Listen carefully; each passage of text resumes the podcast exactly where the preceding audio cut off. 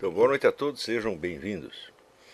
É, hoje eu queria, assim, a, a, título de introdução, fazer umas considerações sobre a questão das castas. O assunto não é esse, mas é por onde eu vou entrar no assunto de hoje, que depois vocês verão qual é.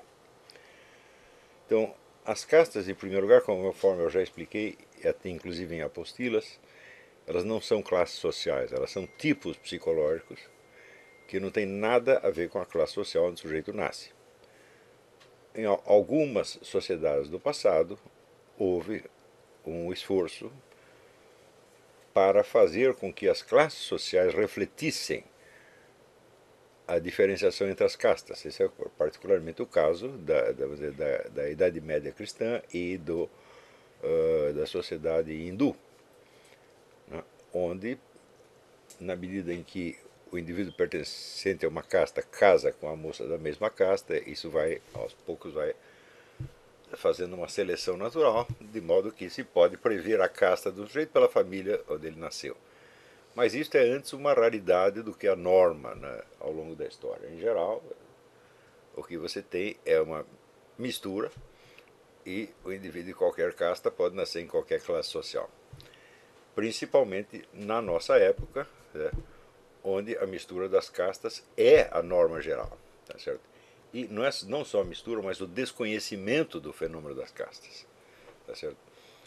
Então, este, é, este assunto, quem me chamou a atenção para esse assunto foi o meu falecido amigo, o Dr. Ronald Ford César Miller. Isso aí faz muito tempo atrás.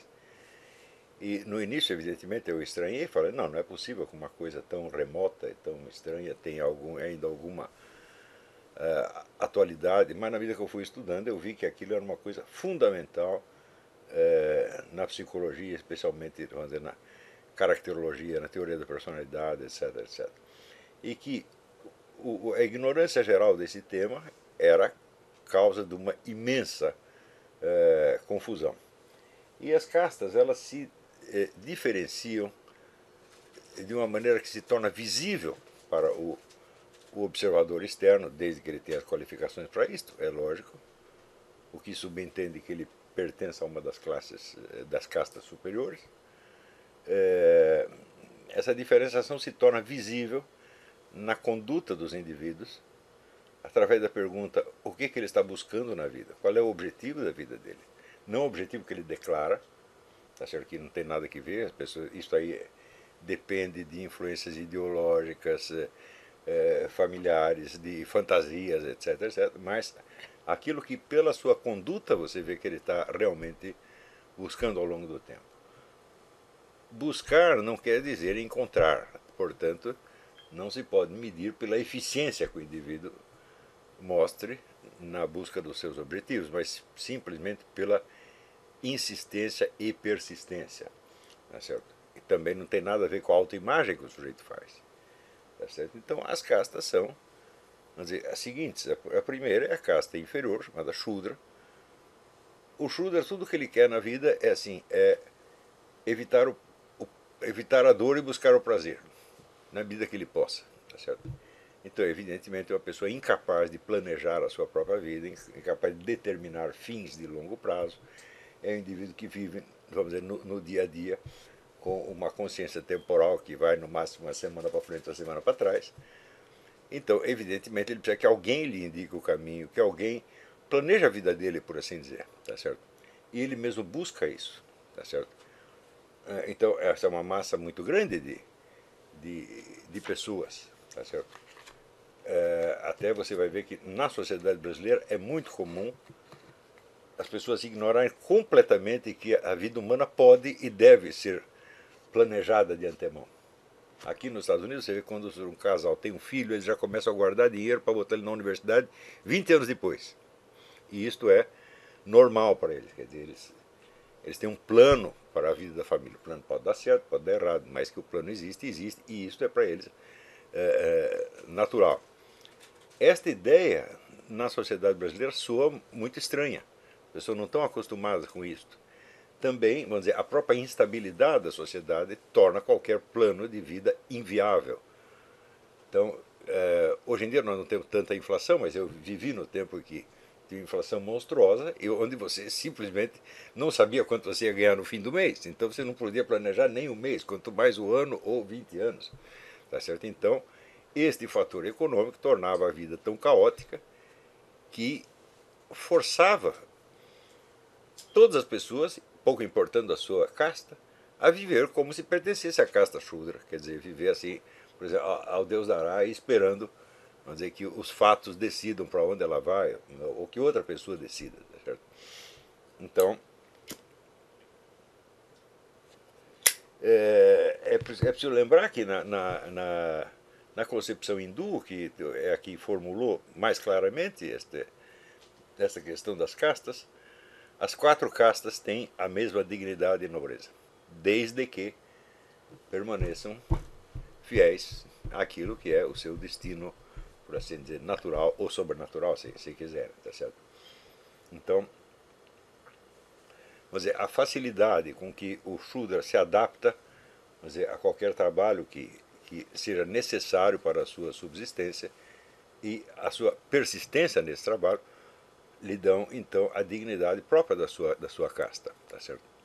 Acima destes, você tem a casta chamada Vaishya, que é, vamos dizer, a dos comerciantes, das pessoas cuja vida é pautada por uma ideia de resultado e eficiência, o que já não lhes permite viver no dia a dia como o Shudra.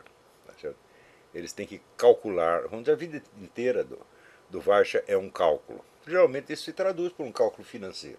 Você tem toda a sua vida uh, arrumadinha por exemplo, o meu, meu padrinho de batismo, que era uma excelente pessoa, ele era um contabilista de profissão e ele contabilizava tudo na vida. Você chegava na casa dele, tudo estava classificado, assim, tinha umas caixinhas, um monte de caixinhas, né?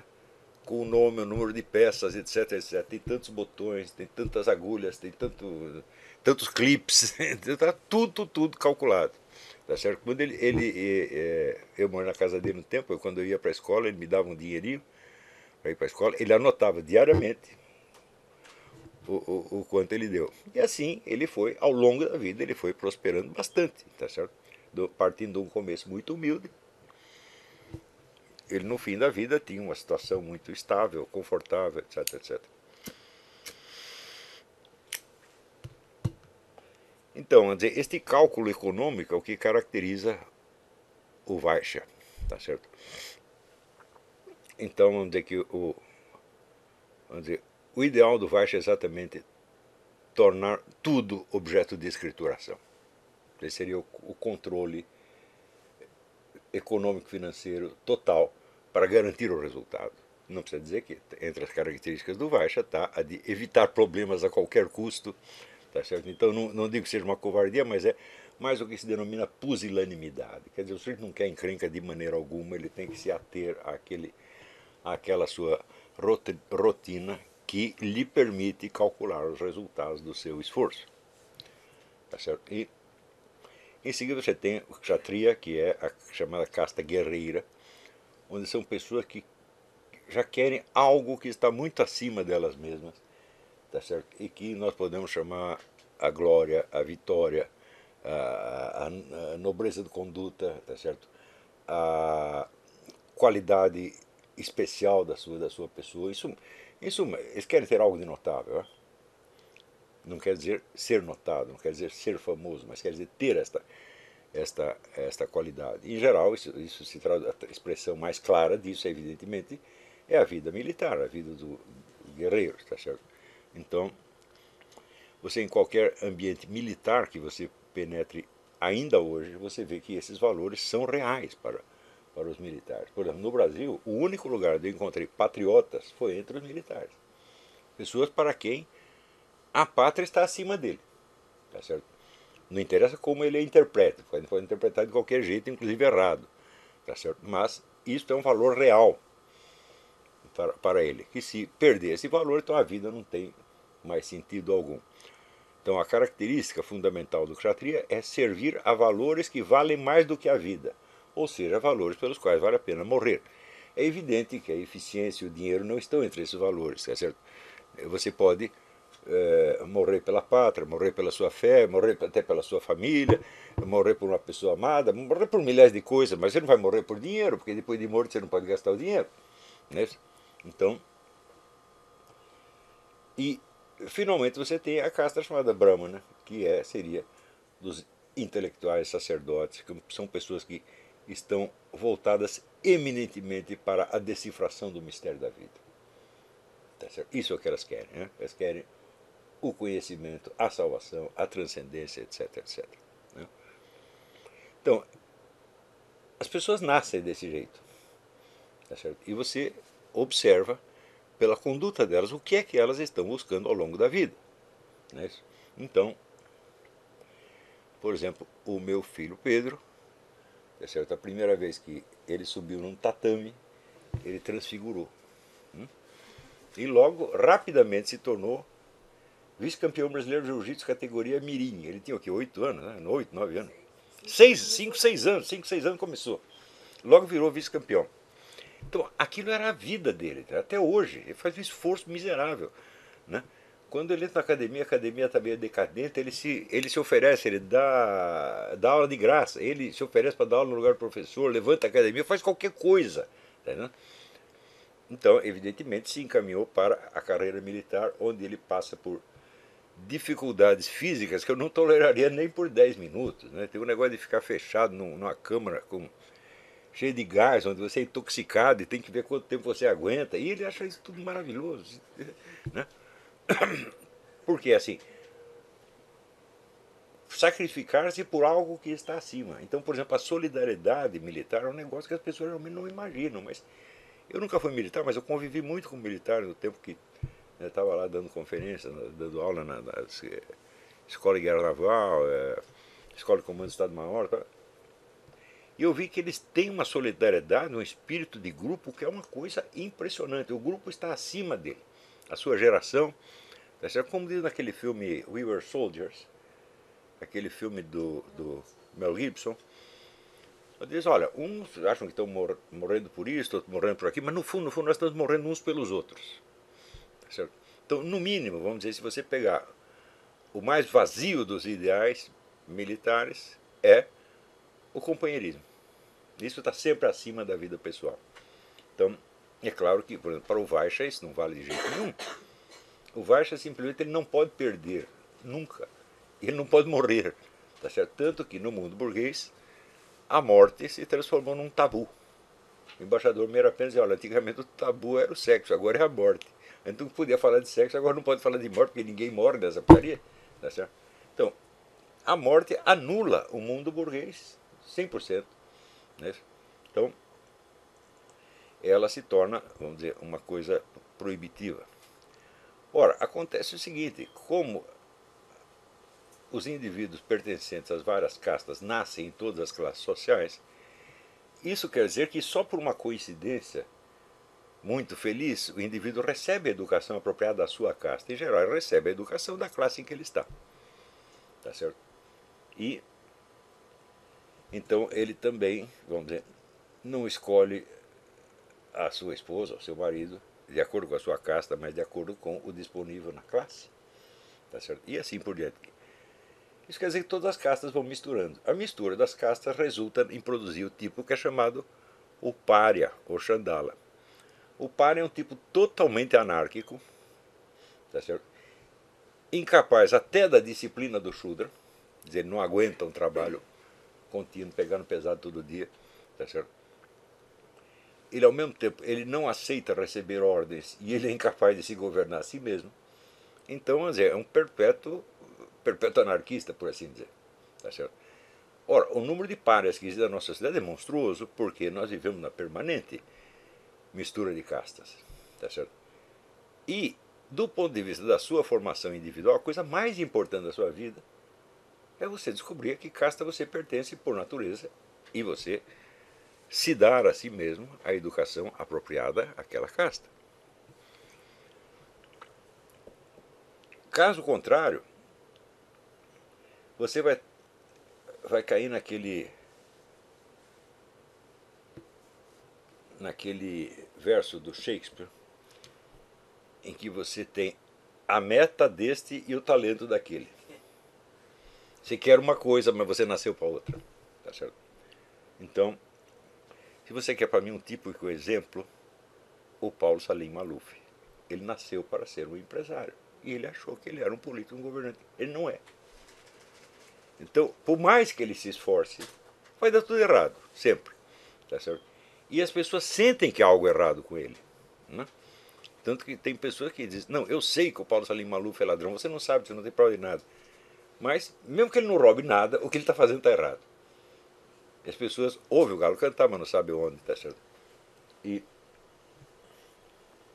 é claro que um governante ele tem de pertencer às duas castas superiores, Kshatriya ou Brahmana, tá certo? de preferência o Kshatriya, evidentemente, que é mais dotado para isso. Tá certo? Então, eu vejo que aqui nos Estados Unidos essa mistura de castas é menos grave. Tá certo? Por quê? Porque você tem toda uma tradição aristocrática no ensino que vem desde os Founding Fathers e que é, se prolongou até o século XX. Então você tem uma certa diferenciação. Você reconhece as pessoas, vamos dizer, os tipos distribuídos pelas classes sociais não são tão diferentes assim dos, das castas que lhes corresponderiam, tá certo? Claro que existe muita mistura e hoje em dia mais do que nunca. Mas em outras épocas da história você vê que a coisa estava bem quase que um modelo em miniatura da sociedade hindu. Né? É...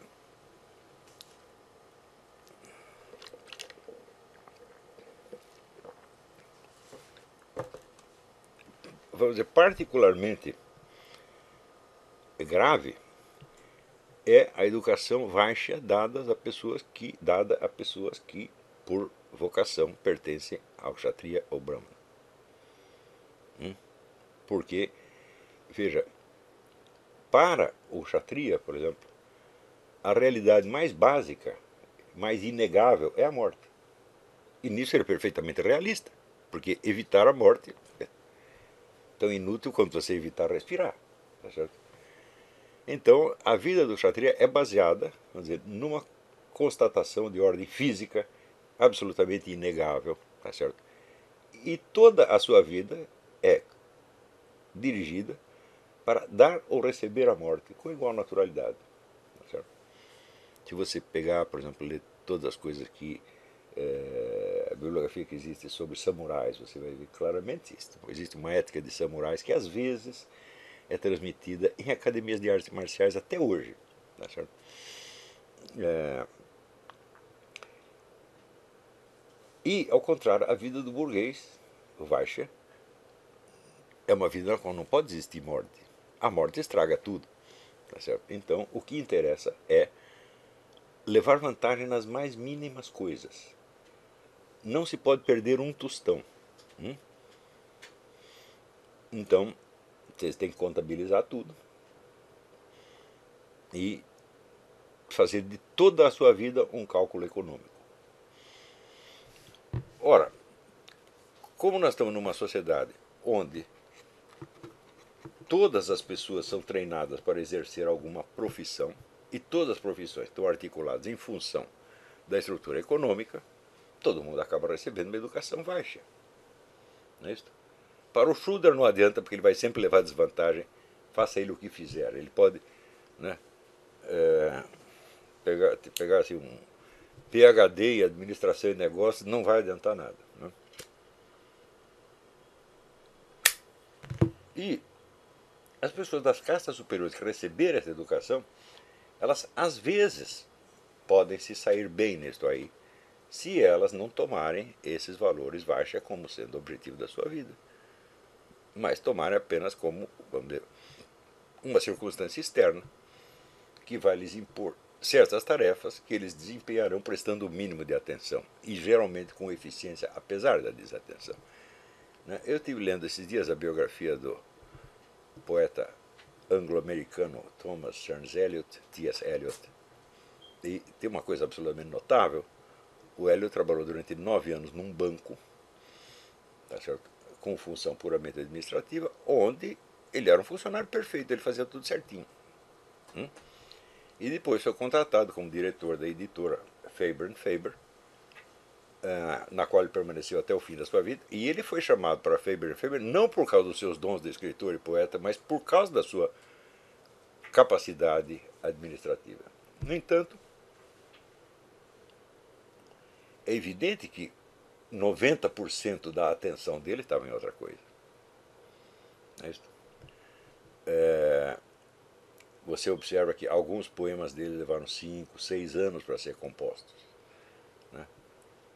A atenção dele a todas as, nuances mais finas da, da linguagem, é evidente que isso consumia a totalidade da atenção dele. Desde jovem, é, as pessoas notaram o seguinte: ele era um sujeito muito, muito simpático, todo mundo gostava dele. Né? Astrologicamente, ele para quem gosta disso. Ele tinha Vênus no ascendente em Libra. Falei, é difícil não gostar do cara desse. Né? E, mas eles notavam que ele assim, ele falava muito pouco. Então eles notaram, não, esse cara tem uma vida interior qualquer que nós, da qual nós não sabemos nada, tá certo? É, e que é o verdadeiro mundo dele. E de fato era assim, tá certo? Então, quando ele começou a publicar os primeiros poemas, as pessoas levaram um susto, porque era uma coisa tão imensamente genial, importante, vital para o mundo, tá certo? e expressava tão bem o drama da época como ninguém tinha conseguido até então. Né? E num desses poemas, ele, ele é, que se chama A Canção de Amor de J. Alfred Prufrock, é, que eu incluí quando era jovem, eu tomei eu tive a ousadia de fazer uma tradução dele, que depois, infelizmente, eu perdi, e que me consumiu meses de trabalho. Uh, ele descreve precisamente o ambiente baixa de alto nível econômico da cidade de Boston, tá que era, por assim dizer, o centro da educação universitária americana no começo do século XX. Tá? Naquela época você ainda tinha um enorme resíduo do tipo de educação que se dava à classe alta americana desde o tempo da, da colônia e que era basicamente educação clássica. E eu tenho aqui uma no livro do Stéphane Jocanti, que fez uma bela biografia do Eliot você tem aqui o extrato da carta que a mãe do T.S. Eliot escreveu para a instituição universitária na qual ela queria matriculá-lo, que se chamava Milton Academy. Hoje não existe mais, mas era muito importante na época. Que já era um pre preparatório para Harvard, onde ela faz a lista do conhec dos conhecimentos que ele tinha adquirido até então para mostrar a sua qualificação para entrar lá. Ele tinha o quê? 18, 19 anos na época. É...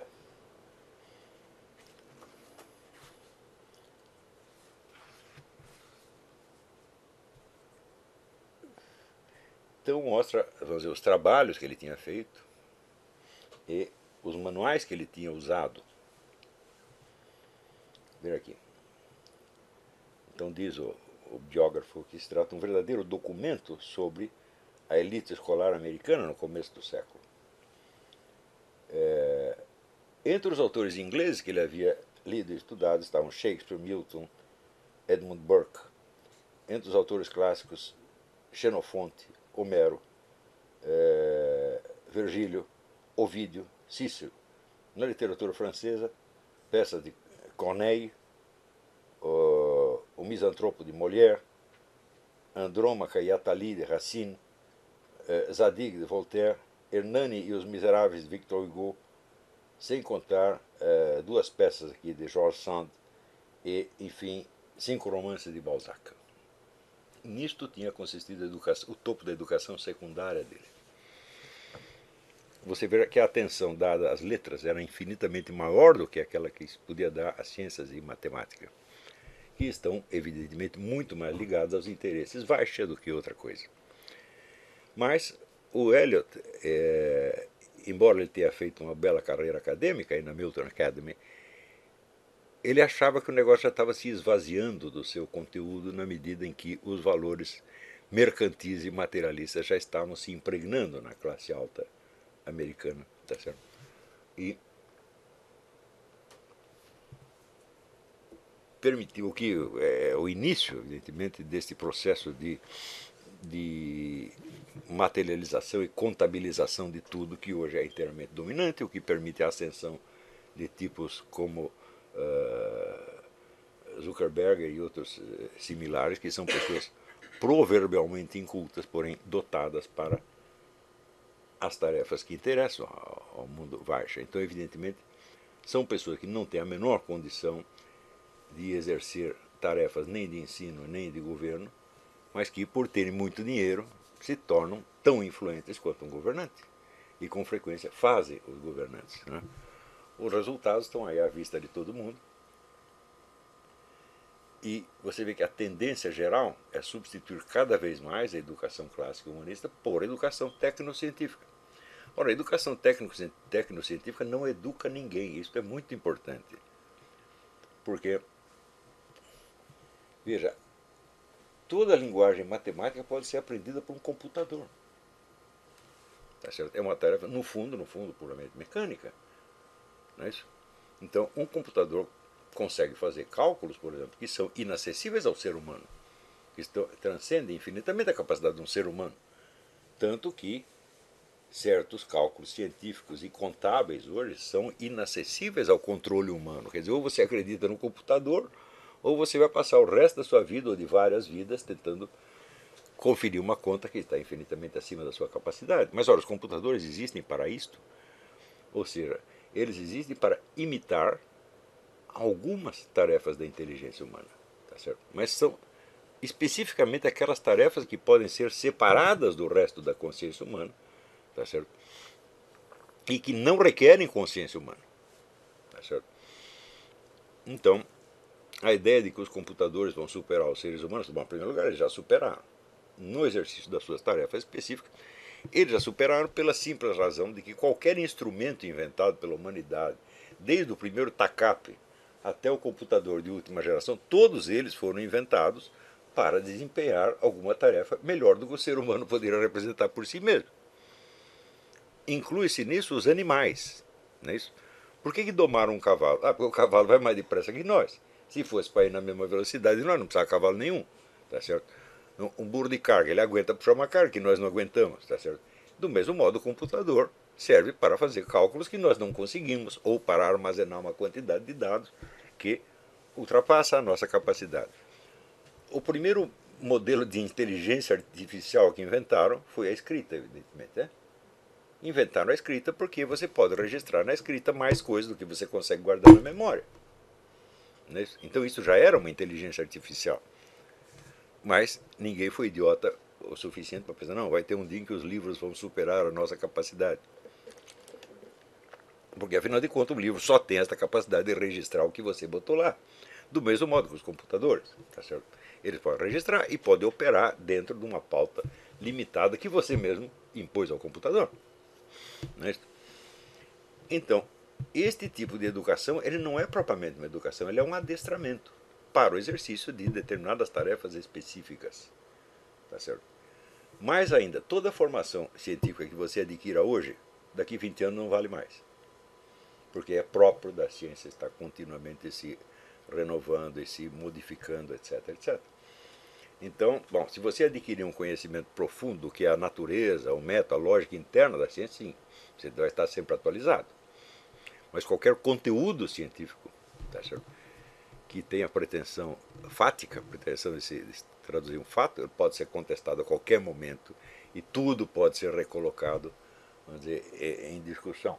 Na prática, não é por quê? Porque a profissão científica também corresponde, vamos dizer, a certos interesses de, de classe, interesses corporativos, tá? É, que necessitam que certas verdades sejam aceitas como dogmas, mesmo quando cientificamente há razão para contestá-las. Tá certo? Do mesmo modo, na tecnologia, Essa tecnologia também ela vive se renovando, mas às vezes ela para. Por quê? Porque o progresso tecnológico entrou em conflito, vamos dizer, com os interesses e necessidades dos financiadores. Tá certo? Eu vou dar um exemplo. Nos anos 60, ou 50, 60, apareceu o famoso motor Wankel, era um motorzinho deste tamanho, que movia qualquer jamanta, tá certo? Eu digo, por que, que não fizeram isso aí? Não fizeram porque para isso ia ter que desmantelar todas as linhas de produção dos Estados Unidos e, e no fim ia dar prejuízo, tá certo? Do mesmo modo, as descobertas do famoso Nikola Tesla. Na hora que o Nikola Tesla inventa um jeito de você transmitir eletricidade à distância sem fio, né? O que, que as pessoas fizeram? Ficaram entusiasmadas? Não, vamos industrializar essa coisa. Não, não, não, vamos enterrar esse negócio aí, porque isso aí vai desmantelar tudo. Nós vamos ter que começar tudo do zero. Então, não existe sempre esta tensão dialética vamos dizer, entre vamos dizer, o progresso tecnológico e a estrutura financeira e administrativa que sustenta a, a, a tecnologia. Hum?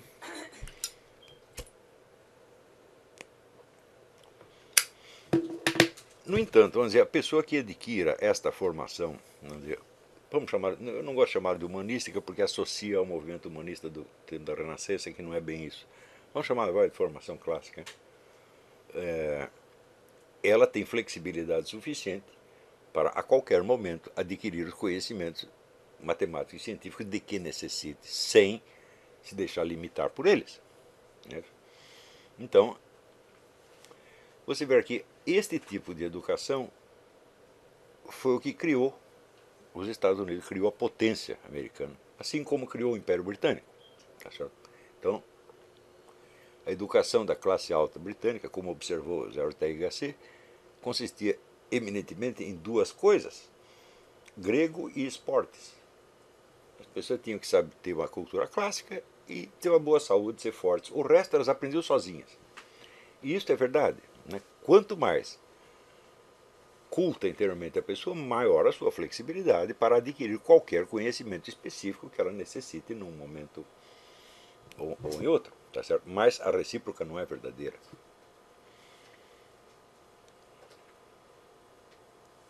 Então, na formação dizer, do intelectual, que é o ponto que me interessa aqui, tá certo? É, e para o qual esse curso foi feito, a coisa absolutamente essencial é, primeiro, o indivíduo que é, por vocação, por natureza, um Brahman, um intelectual, ele viver para os ideais correspondentes, que são justamente aqueles que o padre Celtiange explica no livro A Vida Intelectual. Esse aquele é um livro escrito para pessoas que são vocacionalmente dirigidas a isto. Tá certo? Ora, mas se você foi educado num outro departamento, sobretudo se você recebeu educação Vaisha ou talvez até Shudra, se você receber educação Shudra, você vai tender inevitavelmente a buscar tarefas inferiores nas quais alguém manda em você, especialmente tarefas de ordem física. Tá certo? É claro que a pessoa aí já arrumou um desajuste que nunca vai nunca vai dar certo. Porque se você pega uma mulher brahmana e coloca, manda ela para a cozinha, tá certo? Bom, ela nunca vai estar satisfeita com aquilo e ela não vai ser eficiente naquilo. Tá certo? A não ser que ela entenda isso apenas como uma imposição externa. Daí ela vai desempenhar isso, mas a vida dela está dirigida a outra coisa. Tá certo? Mas não é o caso quando a pessoa introjetou os valores da casta Shudra. E ela acredita que a obrigação dela é fazer esses trabalhos inferiores. E ela se dedica a isso. Tá para o qual não está dotada de maneira alguma. E se recebe a educação baixa, vai acontecer o seguinte: como a sociedade atual é eminentemente uma sociedade baixa, tá certo?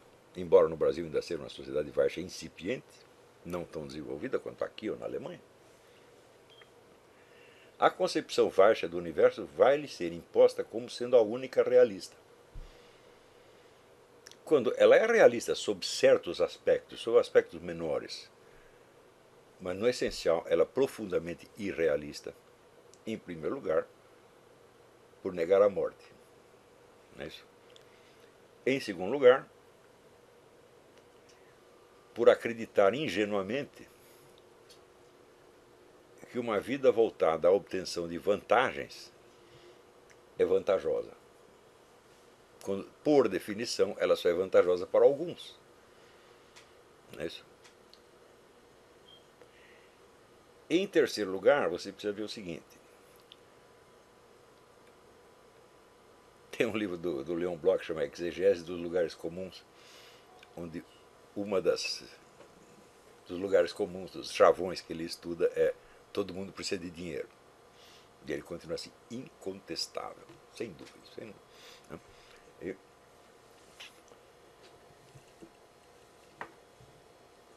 então, todo mundo precisa de dinheiro, mas você precisa de muito mais coisa. Tá certo? Que o dinheiro não pode lhe dar de maneira alguma. Isso é absolutamente impossível. E em terceiro lugar, o dinheiro serve porque ele pode comprar coisas. E essas coisas servem para quê? Ou como dizia o Miguel do Namuno, o bonde é um negócio muito útil porque ele me leva até a casa da minha namorada. Mas para que serve a minha namorada? Hum? Então, você evidentemente vai ter outros objetivos que não são contabilizáveis.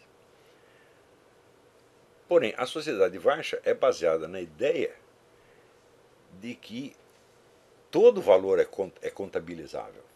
E o que não é contabilizável não existe. Hum? Então, por exemplo, a própria noção dizer, econômica do valor de uso desaparece completamente.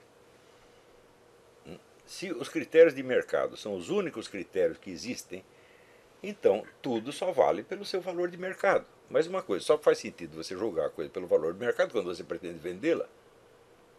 Se você pretende conservá-la e usá-la, tá então evidentemente é por algum valor que ela tem para você e que não é um valor de mercado.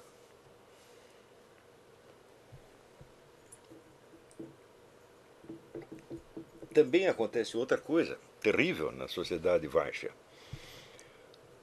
onde tudo é contabilizável, tudo é matematizável, contabilizável, tudo é, portanto, administrável.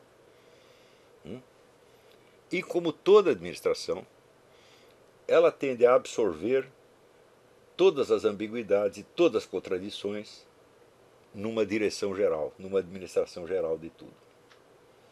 Então, isto quer dizer que a sociedade capitalista tende inevitavelmente a algum tipo de socialismo. Então, como dizia o grande economista austríaco Joseph Schumpeter, quem vai acabar com o capitalismo não são os proletários, como dizia Karl Marx, mas são os capitalistas. É exatamente o que nós vemos acontecer hoje. É isso, quer dizer, vai precisando de uma centralização cada vez maior até você ter o, o que chama sociedade administrada. Agora, o que é a sociedade administrada se não o socialismo? É isso.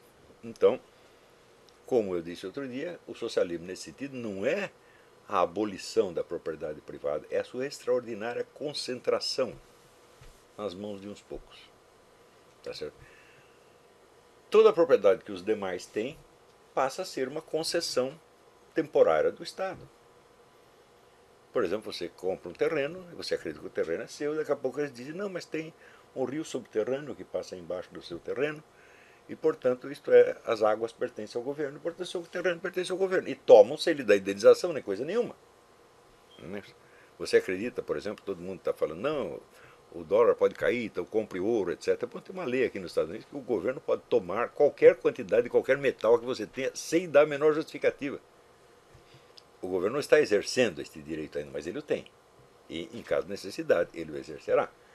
Então, tudo isso, toda esta centralização, esta estatização, é uma consequência inerente da própria visão baixa das coisas. Tá certo? Da onde você terá então, inumeráveis conflitos que serão resolvidos através de mais administração centralizada e assim por diante. Né? Então, isso quer dizer, a visão baixa das coisas, ela parece muito realista e parece egoísta, sob certo aspecto, mas ela é suicida. Né? Ou seja, a vida baixa é uma vida conduzida para o fracasso. Né? Porque nenhuma vitória material que você consiga sobrevive à doença e à morte. Então, uma vida que não está preparada para a morte, ela evidentemente não vale a pena de ser vivida. Então, quer dizer, a própria visão baixa, ela suga e destrói o sentido da vida. E resulta sempre num vazio extraordinário, que é justamente o que aparece nesse poema do Eliot, Canção de Amor de J. Alfred Prufrock. É, ele mostra assim, um, sujeito meio, meio tímido, meio desajeitado, no meio de uma, de uma, uma festa é, é, elegante da burguesia, tá certo?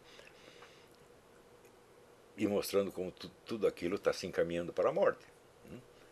E um tema ao qual ele voltará, né? no, no, seu grande, talvez o maior de seus poemas, que é do Wasteland, é a terra vazia, a terra gasta, uma coisa assim. É, então, você vê, o, o Eliot nunca foi um sujeito revoltado contra nada, ele simplesmente está dizendo o que ele está vendo, ele se deixava impregnar profundamente por esta por estas impressões da, da, da realidade e depois conseguia, de um modo mágico que veremos daqui a pouco, tra traduzi-lo em palavras. Uhum. Então, se o problema básico da formação do intelectual é a literatura, é as, as letras, de modo geral, então isso nos leva diretamente ao problema da é, da linguagem. E quando nós falamos assim, domínio da linguagem, em geral as pessoas entendem uma coisa quando é outra. Para isso nós temos que voltar, vamos dizer, o primeiro grande filósofo cristão que houve, que foi Santo Agostinho, primeiro realmente grande, claro que houve outro dele, mas nenhum do, dessa estatura que desenvolveu uma teoria dos signos que até hoje merece muita atenção. E ele perguntava assim: o que é um signo? Um signo é uma coisa que, para os sentidos, parece ser algo, mas para a mente é outra coisa completamente diferente. Se você pega uma palavra qualquer, por você pega a palavra leão, hum, o que é isso para os sentidos? É um som. Hum, mas o que é isso na mente? Epa, é um animal. Então, esta dualidade, né, quer dizer, você está pensando uma coisa, mas na verdade está pensando outra. É um dos mecanismos mais sutis e mais importantes da mente humana. Por exemplo, o sujeito que foi campeão mundial de torneios de memória durante oito anos, Dominic O'Brien, ele fez um curso sobre memorização, onde a técnica dele é a seguinte: cada coisa que você quer lembrar, você associa a outra que não tem absolutamente nada a ver com a história. Por exemplo, o primeiro exercício que ele dá é o seguinte: você vai pensar o trajeto da sua casa até um certo lugar e você vai lembrar dele com todas as minúcias, tudo que você viu pelo caminho. O que, que ele faz? Ele imagina aquele trajeto e em seguida ele distribui naquele trajeto alguns objetos que não tem nada a ver com o trajeto. Então, por exemplo, você saiu no quintal da sua casa, o que, que tem ali? Tem uma carteira de dinheiro no chão. Daí você chegou na esquina, tem um posto. O que, que tem no posto? Tem uma cobra. Depois você anda mais um pouco, tem a caixa postal. O que, que tem na caixa postal? Um urso. E assim por diante. Né? Coisas que absolutamente não tem nada que ver.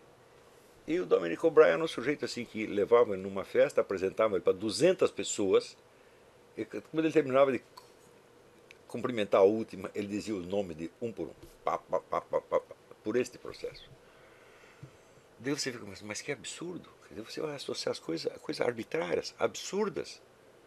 Hum? É porque o signo é isto. Né?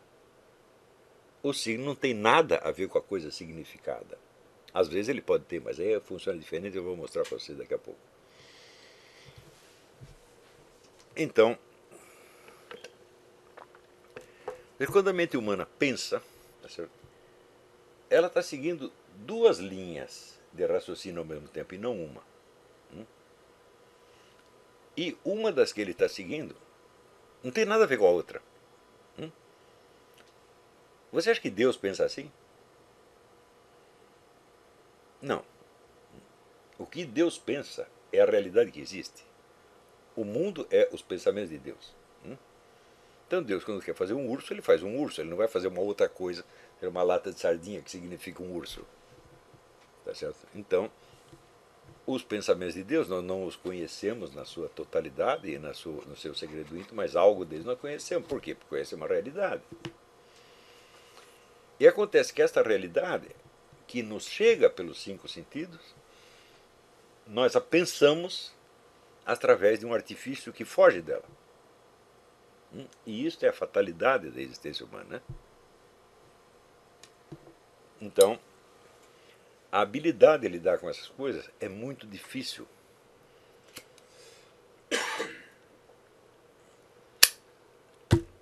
Outra dificuldade que existe, mas que ao mesmo tempo é o caminho para a superação desta primeira, é o fato de que quando de que a nossa vida interior, a nossa vida de cognição interior, não procede por palavras e não procede por signos. Procede por uma outra coisa que os escolásticos, aliás, começaram com o próprio Agostinho, que não é bem o escolástico, chamava verbum mentes. É o verbo mental, a linguagem mental. A linguagem mental não é você falar com você mesmo. Ela se constitui não de signos, tá certo? Mas das formas essenciais que você aprendeu nos próprios objetos. Como é que, como é que se produz esta forma essencial? Produz pelo mecanismo de abstração descrito por Aristóteles. Quer dizer, você do objeto percebido, você conserva não tudo, mas você também não conserva um signo. Você conserva algo da forma dele. Hum? Mas não tudo. Você conserva só aquilo que tem de permanecer invariável para que esse objeto seja o mesmo objeto. Isso não é inventado, isso não é pensado, isso é realmente percebido e guardado na memória como tal. Então, por exemplo, você percebe uma vaca, bom, você conserva um esquema de vaca. Tá? A vaca que você viu pode ser malhada, pode ser branca, pode ser marrom, pode ser preta, pode ser cor-de-rosa com bolinhas, etc, etc. Não interessa. Isso aí não vem ao caso. Para ela ser vaca, ela tem que ter uma estrutura, uma forma, tá certo? De quando Aristóteles fala em forma, ele não está querendo dizer o formato exterior, mas por assim dizer, a fórmula. Né? que permite que ela seja reconhecida como vaca e que a identifica com os demais membros da mesma espécie. Espécie também no latim quer dizer imagem. Mas não é uma imagem física. Né? É como dizer, uma imagem idética, uma imagem de uma ideia. Tá certo? Mas não é uma ideia que você pensou, é uma ideia que você apreendeu e que está na própria forma que o objeto lhe exibe. Hum? E que expressa então a essência. O que é a essência? É aquilo que aquele ser é. Tá Independentemente dele existir ou não, e independente da infinidade de variações que ele possa ter perante outros da mesma espécie. Então, o verbo mentes é uma sucessão destas essências, hum? as quais a linguagem, efetivamente falada, não traduz corretamente. Mesmo porque a ideia essencial de vaca que eu aprendo é a mesma que um chinês aprende, a mesma que um zulu aprende. Mas as nossas línguas não são a mesma. Então, quer dizer, para falar isto, eu vou ter que adaptar este verbo mentes às exigências, disponibilidades e limitações da língua na qual eu estou falando. Portanto, já é uma tradução. Ora, eu até coloquei esta notinha no Facebook outro dia. Quando o Elliot era ainda muito jovem, a irmã mais velha dele leu umas coisas que ele escreveu e disse: Olha que coisa extraordinária. Você pensa o ritmo antes de pensar as palavras. E você faz isso desde pequenininho. Porque você ouvia as pessoas falando e você imitava a fala delas sem palavras. Hum? Dizendo coisas sem sentido, mas que era, tinha exatamente o mesmo ritmo. Ora, nesse ritmo, ele imitava o quê? Não propriamente a linguagem, porque nem tinha linguagem ainda, mas imitava a sequência, a melodia interna do verbo mentes. Hum? E é isto que lhe permitiu ser o grande poeta que ele era, que ele foi, e é ainda.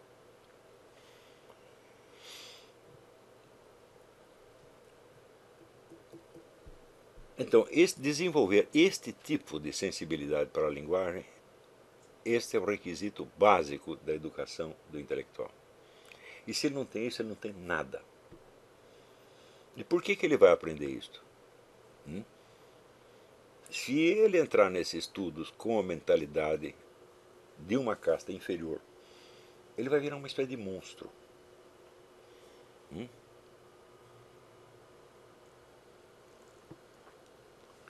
Porque este tipo de, de operação mental só serve para pessoas cujo objetivo na vida é penetrar num nível de realidade que é superior à experiência imediata e que a abrange. Hum? Então o que? É o mistério da existência que você está tentando chegar.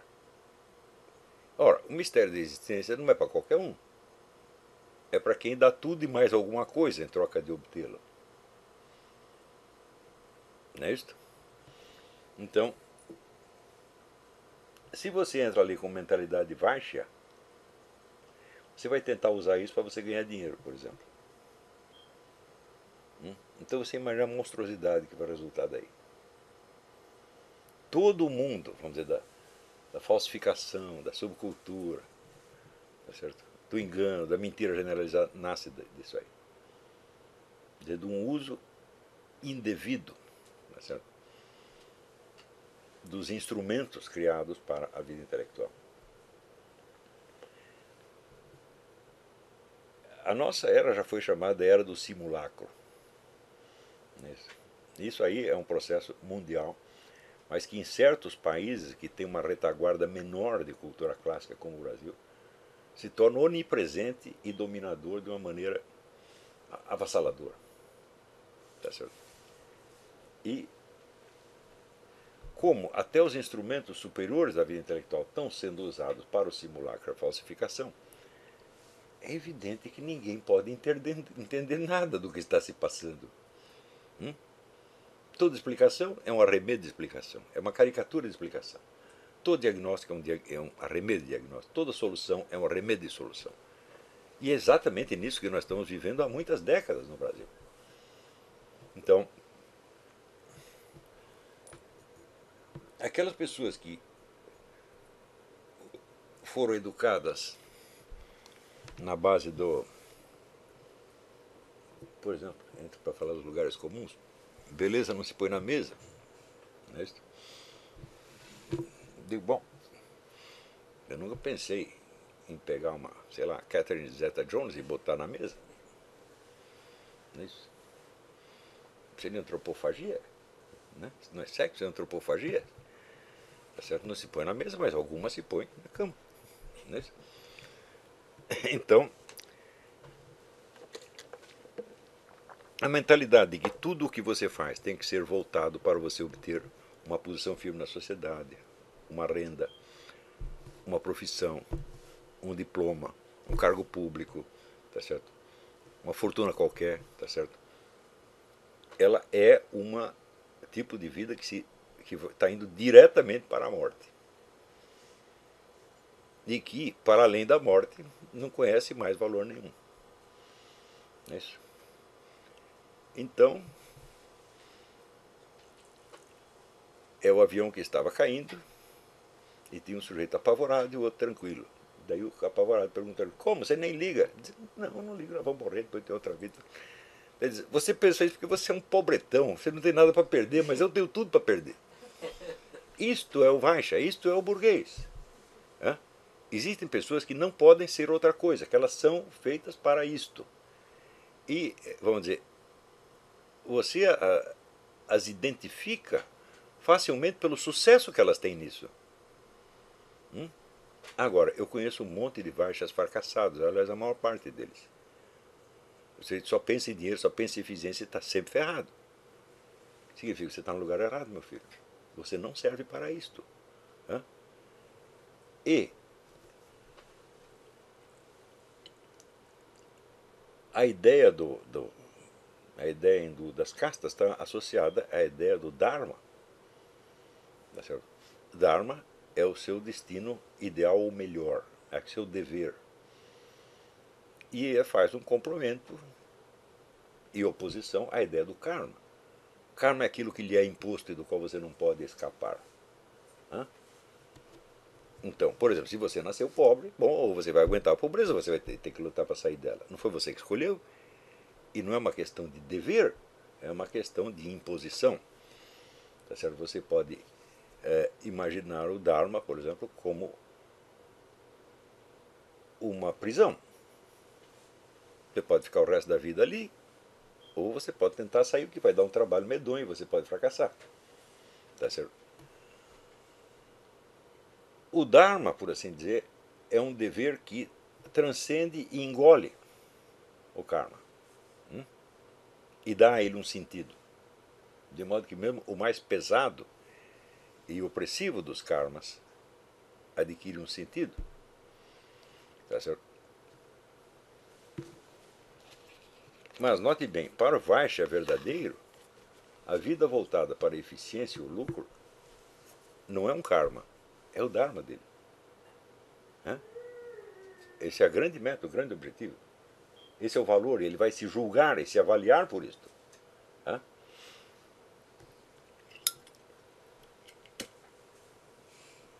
E será totalmente incapaz de conceber qualquer coisa acima dele. Se vocês querem o perfeito retrato, vamos dizer, do burguês, vocês leiam as obras de Leon Blois, que é o autor mais terrivelmente, sadicamente anti-burguês do que do que Karl Marx. Karl Marx tinha alguma apreciação pela burguesia, mesmo porque ele era um deles. Né? Mas o Leon Blois odiava o burguês com todas as suas forças, e cada palavra que ele escrevia para esculhambar o burguês. Vamos dizer, com um sadismo literário absolutamente maravilhoso e, e delicioso no fim, no fim das contas. Né? Então, e você vê, o Leon Bloch toda a vida dele foi muito pobre, horrivelmente pobre com mulher e filhos e tal, não ganhava dinheiro nenhum. Né? Ele mesmo se chamava o invendável. Tá certo? Os livros dele não vendiam nada, tá certo? e ninguém lhe pagava coisa nenhuma. E, no entanto, ele jamais desistiu de fazer, continuar fazendo o que ele estava fazendo. Tá certo? Que era buscar a Deus, que ele era um homem muito católico, muito fervoroso, e dar testemunho, escrito, num, num francês absolutamente maravilhoso. Né? E é óbvio que, deste ponto de vista, o Blois foi vitorioso, inclusive, nas gerações seguintes. Quer dizer, é um autor que, na época, muita gente falava mal, mas que acabou se impondo como um clássico francês né, indispensável. De invendável passou a indispensável. E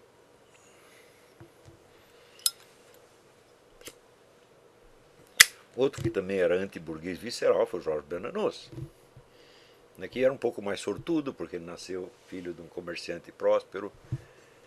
É, e ele, por incrível que pareça, ele tinha um certo jeito para os negócios. Tá? Então, quer dizer, o mundo burguês, ele o dominava por cima.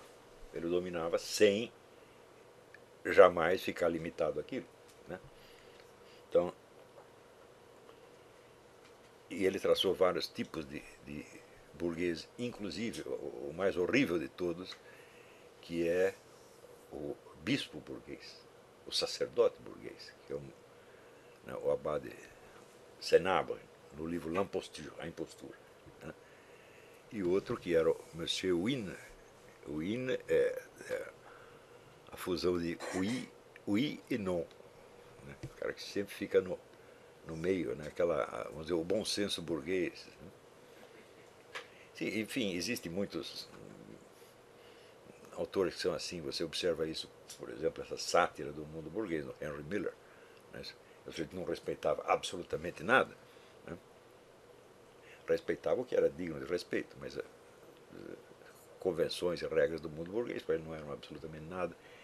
E ele mostrou que era absolutamente totalmente capaz de viver sem isso, capaz inclusive de viver na miséria tá e achando tudo muito divertido. Né?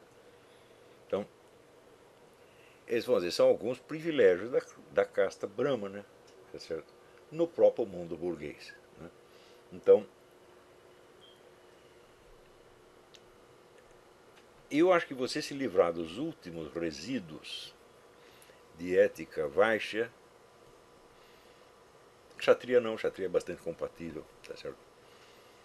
É, é uma condição indispensável à sua formação intelectual. Hum? Então, por exemplo, o medo de ficar sem dinheiro, o medo de ficar sem emprego, o medo de ser desprezado socialmente. Tudo isso você tem que perder de uma vez por todas, mas perder 100%. Hã? E, na medida em que você está voltado para uma realidade transcendente, você tem que pensar assim: eu faço o que é minha parte e o dinheiro no meu bolso é Deus que põe. Ele põe quanto ele achar que deve e tira quanto ele achar que deve. E tá bom de um jeito e tá bom do outro. Com isto, só com esta atitude, você vence o mundo burguês. Ele perde o poder de preensão sobre você. Tá? Isso lhe dá uma liberdade interior muito grande. Mas evidentemente sempre pode ter tido papai e mamãe tá certo? que disseram, não, você precisa arrumar um emprego estável, você precisa ter um diploma disso. Você precisa... Se você ainda acredita nisso, então você é escravo do mundo baixo. Tá certo? E se você progredir um pouco na vida intelectual, você vai ser no máximo um simulacro de algum sucesso. Tá certo? Que não vai durar. Eu não vou citar exemplos, mas tem vários casos. Né? O sujeito é badalado durante algum tempo, depois, ainda em vida, é totalmente esquecido, não serve para mais coisa nenhuma. Tá Além do que, isso é uma vida que. Isso é uma palhaçada. Né? Palhaçada que não aguentará o confronto com a morte. Vamos dizer, e o confronto com a morte é para o Kshatriya e o Brahmana condição número um. Não é isso? Eu posso citar um exemplo nominal? Eu posso citar um exemplo nominal? Pode. É um pouco obsceno, mas pode. O José Guilherme Melchior, ele pode se, ser analisado sob esse Sem sombra de falando? dúvida. Sem sombra de dúvida. É um caso absolutamente trágico de intelectual de altíssimo gabarito, mas que no fundo nunca passou de um Varsha. Hum? Você vê, por exemplo, a, essa é deprimente, é horrível. Você vê, por exemplo, que ele fala de grandes filósofos do passado, do passado como Platão, Santo Tomás de Aquino, com total desrespeito. Depois, quando ele escreve do chefe dele no departamento, o chefe é um, um santo, é, é, é, Deus na Terra. Eu digo, olha, um intelectual de verdade não pode fazer isso. Ou seja, ele tinha o talento verdadeiro do intelectual, mas não tinha os valores efetivos do, do, da, da. Né, tá? E isso você observa muito, isso, isso é uma tragédia. Você vê que o sujeito morreu cedo, pegou um câncer. Né? Morreu com 49 anos. Por quê? Isso é um conflito que leva para o túmulo necessariamente. Então pensa bem, o que é que você quer? Hum? Então, se você continua ligando para esses conselhos de papai, mamãe, do tio, da tia, do vizinho, tá certo? Não, você tem que arrumar um emprego, fazer assim. Bom, tudo bem, a gente pode até arrumar um emprego, isso não é o problema, tá certo? Desde que você conceda a esse emprego só o que ele exige realmente, nem uma gota a mais. Tá certo? Você vai ter que respeitar esse emprego como uma instituição social. Mas não como algo que está acima de você. Certo? Bom, vamos fazer um intervalo, daqui a pouco nós voltemos. Antes das perguntas, tem aqui um aviso que eu recebo do Felipe Lesage. É, acabamos de abrir as inscrições para a segunda edição do Encontro Europeu do Seminário de Filosofia. Dessa vez acontecerá no Porto, Portugal, no fim de semana de 4 a 6 de agosto. Trata-se de uma ocasião privilegiada na qual podemos compartilhar alegrias e dores da vida de estudos e também dar um modesto passo a mais rumo à construção dessa vida intelectual da que o senhor tantas vezes fala e que, por força da solidão, parece por vezes ser uma realidade para além da barreira da nossa miséria. Os interessados devem acessar a página do Facebook segundo encontro, segundo com o número Encontro Europeu do Seminário. Ali se encontra a ficha de inscrição e o programa do evento. Então, tomara que muita gente vá lá e dê tudo certo. Muito bem. Aqui tem outro aqui. O Leonardo me manda uma carta muito comprida. Eu não vou poder sequer lê-la aqui, quanto mais respondê-la. Assim, está é, muito interessante aqui, mas realmente não dá muita coisa para uma aula só. É... Tiago Costa pergunta: o senhor viu alguma correlação entre as castas hindus e as 16 personalidades do teste Meyer-Briggs? É, por exemplo, um sujeito personalidade de ISTJ teria mais identificação com a casta Kshatriya. Existe algo desse tipo, mas eu não conheço esse sistema suficiente para poder lhe dizer algo. Né? Mas, é, de qualquer modo, eu acho que a melhor maneira de você identificar a casta é você observar quais os objetivos que o indivíduo persegue permanentemente. Tá certo?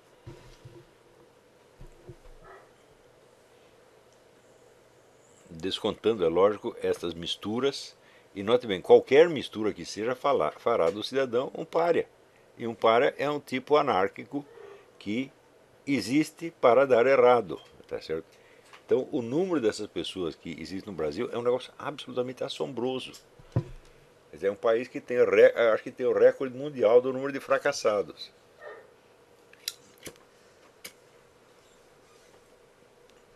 Tem país onde não dá para ser um fracassado porque está todo mundo morrendo de fome, tá certo? Então você não tem para onde subir, então você não pode fracassar. Mas no Brasil você pode subir. Né? Agora, o número de tipos disformes e caricatos que chegam aos primeiros, primeiros postos da, da sociedade e chegando lá só tem uma atuação destrutiva, é muito grande demais. Agora vai ter esse encontro lá no Harvard. E a minha ideia é apresentar um panorama da obra das classes dominantes no Brasil nas últimas cinco ou seis décadas. Olha o que vocês fizeram, né? que eu considero assim, uma obra de gênio. Ninguém consegue destruir tanta coisa tão profundamente, tão irremediavelmente, tá certo? em tão pouco tempo. Ricardo Falkenbach. Professor, o senhor deveria escrever um livro de aforismos. Aforismos do Carvalho. Bom, nós estamos preparando aqui o Guru de Varginha, que é feito de uma seleção dizer, dos tópicos mais contundentes ali do Facebook ao longo de, de vários anos, mas com uma seleção drástica, já está com mais mil páginas. Vamos ver se a gente consegue. Tá, tá. Primeiro a Carla Farinazzi fez uma primeira seleção e ordenação, e agora a Estela Caime está dando o formato editorial mais definitivo. Espero que acabe logo. Mas não vai sair isso antes de julho, acredito eu.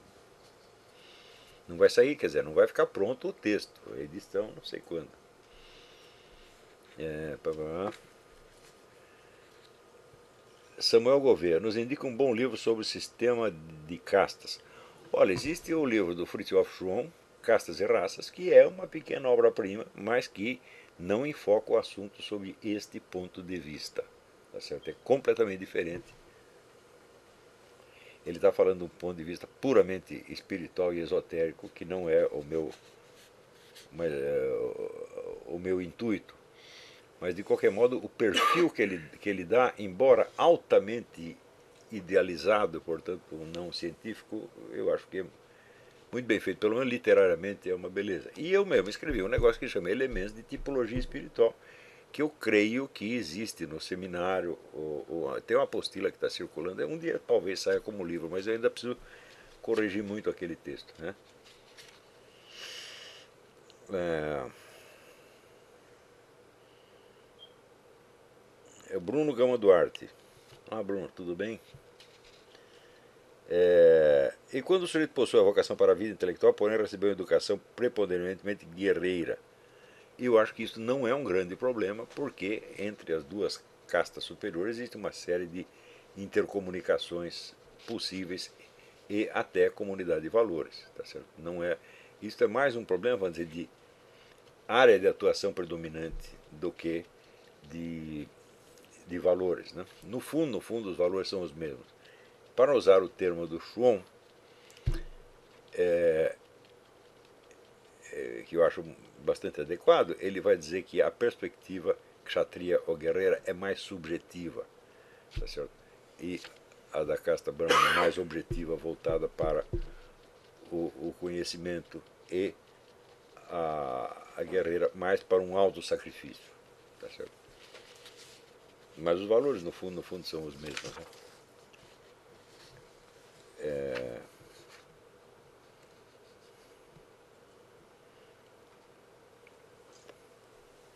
Daniel Henrique Saldanha Cavalcante. O senhor sugere a leitura das vidas dos santos e dos heróis a fim de que possamos enriquecer o nosso imaginário, mas sem sombra de dúvida. Eu acho que biografia é uma coisa de uma utilidade extraordinária, além do que eu pessoalmente considero a arte da biografia o supra-sumo da realização do historiador. Eu acho a coisa mais difícil de fazer uma boa biografia. É mais fácil você escrever, por exemplo, sei lá, história da economia baiana no século XVIII do que fazer, você fazer uma biografia porque a biografia supõe, inclusive, que você vai subir ao, ao nível de consciência do seu biografado. O que para você fazer uma história social tá, não, é, não é necessário. Tá é, entre outras biografias maravilhosas que eu li, tem duas biografias de Napoleão Bonaparte, uma do Dmitry Merezhkovsky, autor russo, e outra do Andrew Roberts, historiador americano. Essa última, é claro, é muito mais rica de documentos e fatos, etc. Mas as duas você vê que eles realmente compreenderam a, a, a mente de Napoleão. Leon Bloch também escreveu um ensaio belíssimo sobre, sobre Napoleão, no qual ele põe Napoleão quase no nível do santo. Né? É um exagero, como tudo que o Bloch escreve, mas é sempre, é, é sempre muito sugestivo. Luiz Augusto pergunta: Eu não entendi como essa história de caça se relaciona com a visão cristã do mundo. A dignidade cristã permite essa divisão? A dignidade cristã não tem absolutamente nada a ver com isso, porque não existe nenhum mandamento divino que seja superior aos fatos. O que existe é soberano. Isso aí já dizia Santo Tomás de Aquino. Contra factum non argumentum est. Se a coisa é fato, se ela existe, você não tem como negá-la em nome da doutrina cristã. Se você, você, se você faz isso, você entendeu a doutrina cristã errado. Tá certo? Então, e também, Santo Tomás de Aquino, nós falamos com palavras, Deus fala com palavras e coisas. Tudo aquilo que está na realidade é um decreto divino, meu Deus do céu. E nós temos que aceitar, falar, é assim. Tá certo? Deus quis que fosse assim e está sendo assim. Então, vamos dizer, a realidade da existência das castas, como, tipo, é, como tipos psicológicos, é uma coisa absolutamente inegável.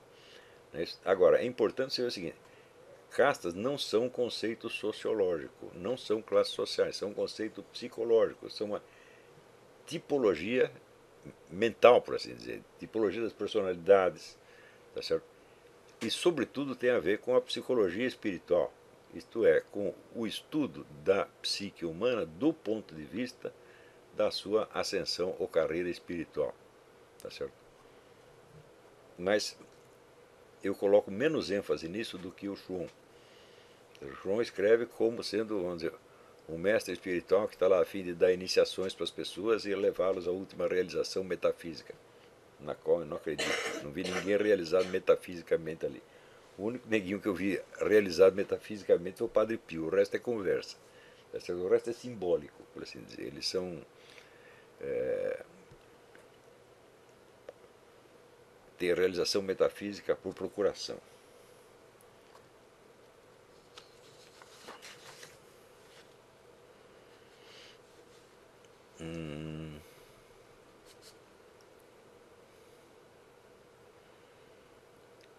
Vitor Miranda, eu tenho estudado sobre as camadas da personalidade e agora o senhor falou sobre as castas. Para mim é muito difícil identificar em qual camada ou casta estou. Bom, em primeiro lugar, nós nunca sabemos em que camada nós estamos, são os outros que sabem. Tá certo? Isso é, é a camada não é um, um elemento, vamos dizer, fácil de ser utilizado em termos de autoconhecimento. Tá certo? Eu acho que para você identificar que camada o sujeito está, primeiro lugar, você tem que estar numa camada acima dele. Então você tem que entender o processo interior dele e abarcá-lo. O seu horizonte de consciência tem que abarcar o dele, senão você não consegue medir. Tá certo? Então, desista de descobrir em que camada você está. Não interessa. O interessa é ir subindo, ir para frente. Tá certo? Então ficar medindo em que parte do caminho você está é perder tempo. Tem que seguir, seguir em frente, vamos dizer. As camadas expressam a evolução natural do ser humano, tá certo? Então, enquanto você continuar crescendo, você vai subir. Isso não tem nada a ver com casta. Né? A casta, você nasce ali e você não vai sair daqui nunca mais. Você não pode trocar de casta. Você pode trocar de classe social e você pode subir de camada. Tá certo? Mas a casta é um negócio estrutural e permanente. É uma, quase que uma fatalidade. O que não é fatalidade é saber se você vai ter consciência disso ou não. Para você saber em que casta você está, é só você perguntar o que, que eu estou procurando na vida. Hum? E segundo, eu estou procurando isso porque é, isso é realmente o que eu quero, tá certo? Ou porque é a única coisa que me ensinaram a fazer? Eu acho que nesta pergunta está o, o, o, o essencial aí, né? Mas, em princípio, se você veio a este curso, é porque você está na casta intelectual, evidentemente, senão você não teria interesse nisso. A não ser que você tenha né, interesses secundários, como o sujeito que entrou dizendo, não, eu vou aqui para averiguar, para investigar quais são os contatos, etc, etc. Né? Outro pode ter é, vindo achando que ele vai tirar um, um, algum proveito profissional, etc. Está todo mundo enganado. Eu, desde o início eu falei, isso aqui é para formar uma nova geração de intelectuais brasileiros. Não avisei? Né? Desde a primeira aula avisei isso aí. Por que, que nós precisamos fazer isso? Porque o país precisa disso desesperadamente. Tá não é porque, é, vamos dizer, porque nós vamos nos realizar nisso. Claro que vamos nos realizar, mas este não é o ponto. Não é Se o seu negócio é se realizar, Bom, então, meu filho, você já está na casta baixa. Hum? Porque para as camadas superiores, Kshatriya e Brahmana, a sua vida, para usar uma expressão do André Gide, tá é como um pavio que ilumina tudo na medida em que ele se queima. Hum? Então, é, o nosso sacrifício é que ilumina tudo em volta. E é isso que nós temos que que querer se estamos de fato na casta kshatriya ou brahmana. Tá certo?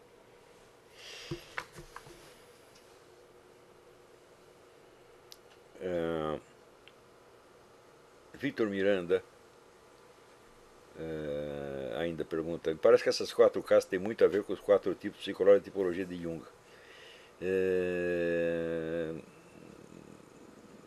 eu não sei não. Porque, veja, como que você identifica a, a que tipo psicológico junguiano você pertence? É por um critério meramente cognitivo. É pela sua função cognitiva predominante. Tá certo?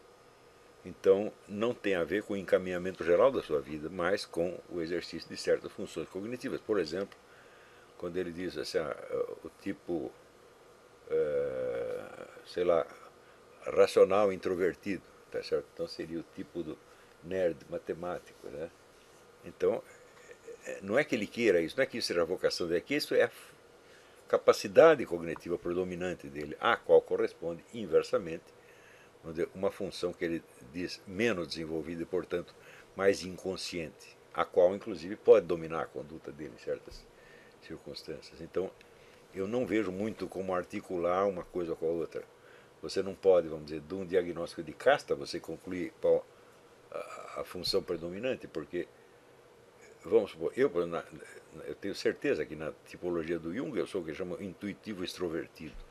Tá? Mas eu podia ser outra coisa e estar tá fazendo exatamente e ter encaminhado a minha vida no mesmo sentido. Nem todas, nem todas as pessoas que estão a vocação intelectual são intuitivos extrovertidos. Ao contrário, muitos são é exatamente o contrário, são é, é, sensitivos introvertidos. Não é isso? Você pode dizer que o próprio o próprio é, T.S. Eliot era um se você lê o, a canção de amor de J. Alfred Prufrock, você vê o indivíduo acompanhando as suas próprias emoções da maneira mais meticulosa possível, tá certo? É, enquanto eu, por exemplo, estou muito mais ligado, vamos dizer, no, no, na emoção coletiva, no que todo mundo está sentindo, na sociedade humana. Eu sempre fui sensível a isso. Mas, é, Então eu acho realmente que não há correspondência. Embora, você vê, existem milhares de, milhares não, estou exagerando, mas centenas pelo menos, de tipologias, de caracterologias, etc. Você pode usar todas elas e ir cruzando o resultado, mas você vai somar, você não vai fundir uma coisa com a outra. É isso? Então, no curso da astrocaracterologia, eu dei várias dessas tipologias, a do Jung, do, do do Ludwig Klages, etc, etc. Cada uma delas faz, uma, faz perguntas diferentes. Então, é aquele famoso negócio dos escolásticos. Né? Uma ciência tem um objeto material que ela tem em comum com outras ciências. Ela tem em seguida o objeto formal, que é, vamos dizer, o aspecto específico pelo qual ela aborda aquilo. E finalmente tem o objeto formal terminativo, que é a que pergunta ela está querendo responder em última análise a respeito desse, desse negócio. Então você faz, comparando as várias tipologias e caracterologias sob este aspecto, você vê que elas não são a mesma, tá elas não estão fazendo as mesmas perguntas, tá certo? É, então, por exemplo, a tipologia do René Lessene tem muito a ver com a autoimagem do, do indivíduo. Tanto que o teste do Lessene é tudo coisa que você pensa de você mesmo. É claro que isso não serve para você diagnosticar o tipo junguiano, por exemplo, onde você precisaria de uma observação externa tá para você perceber qual é a função cognitiva predominante, por exemplo, a reação cognitiva do indivíduo perante isto ou perante aquilo. Não é isso? É... E assim por diante. A tipologia do Klages é mais complicada ainda, porque ele parte de um negócio que ele chamou oposição entre a alma e o espírito, sendo a alma, a alma uma parte mais vital, mais, é, mais próxima da biologia, por assim dizer, e o espírito uma força externa organizadora, mais ou menos como é, Mercúrio e enxofre na alquimia, tá certo? Que é uma, uma, uma visão da qual eu não compartilho de maneira alguma, mas que da qual ele tirava várias conclusões tipológicas, que, que inclusive ele deu uma expressão grafológica, de análise da, da, da, da caligrafia, na qual ele chegava a diagnósticos pela sua tipologia, coisa que eu não vejo como fazer um diagnóstico grafológico das castas ou da camada de personalidade, mesmo porque a caligrafia tem traços que permanecem estáveis a vida inteira. Como é que eu vou saber camada se a caligrafia do neguinho não mudou nada entre a camada 3 e a camada 7, por exemplo. Então isso serve para diagnosticar pela, pelo critério do Klages, não pelo, pelo meu ou por um outro qualquer. É, bom, eu acho que eu vou ter que parar por aqui. É...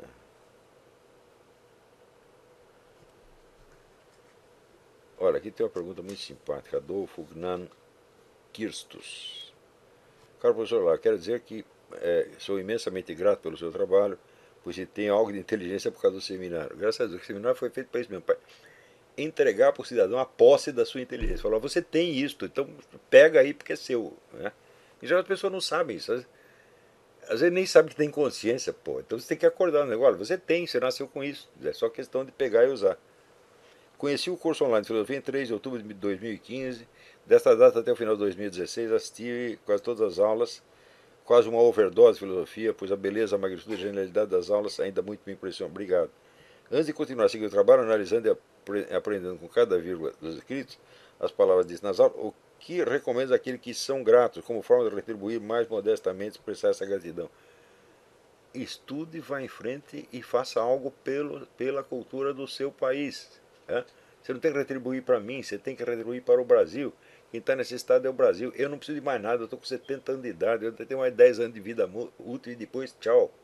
Vou morrer e não volto mais, tá entendendo? então, mas o Brasil precisa desesperadamente de uma nova geração de intelectuais que leve a vida intelectual da maneira mais séria possível, de acordo com os cânones do Padre Celtiange no livro A Vida Intelectual. Isto é a salvação do Brasil. Isto é a única coisa que pode dar certo no Brasil. Quer dizer, essas atividades políticas, movimentos políticos, todos têm um efeito muito superficial, isto quando não agravam a situação. Né? Então, o que você pode fazer para me retribuir é isso. Trabalhe pela cultura do seu país. Tá? Então, é isso. Até a semana que vem. Muito obrigado a todos.